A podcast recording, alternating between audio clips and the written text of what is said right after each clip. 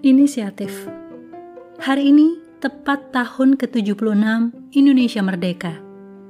Kemerdekaan Indonesia yang diumumkan oleh Insinyur Soekarno dan Dr. Andes Muhammad Hatta itu adalah inisiatif para tokoh yang mengikuti perkembangan Perang Dunia Kedua untuk segera memproklamasikan kemerdekaan Indonesia tanpa menunggu keputusan Jepang, yang mana sebelumnya ada rencana Jepang akan memberikan kemerdekaan untuk Indonesia.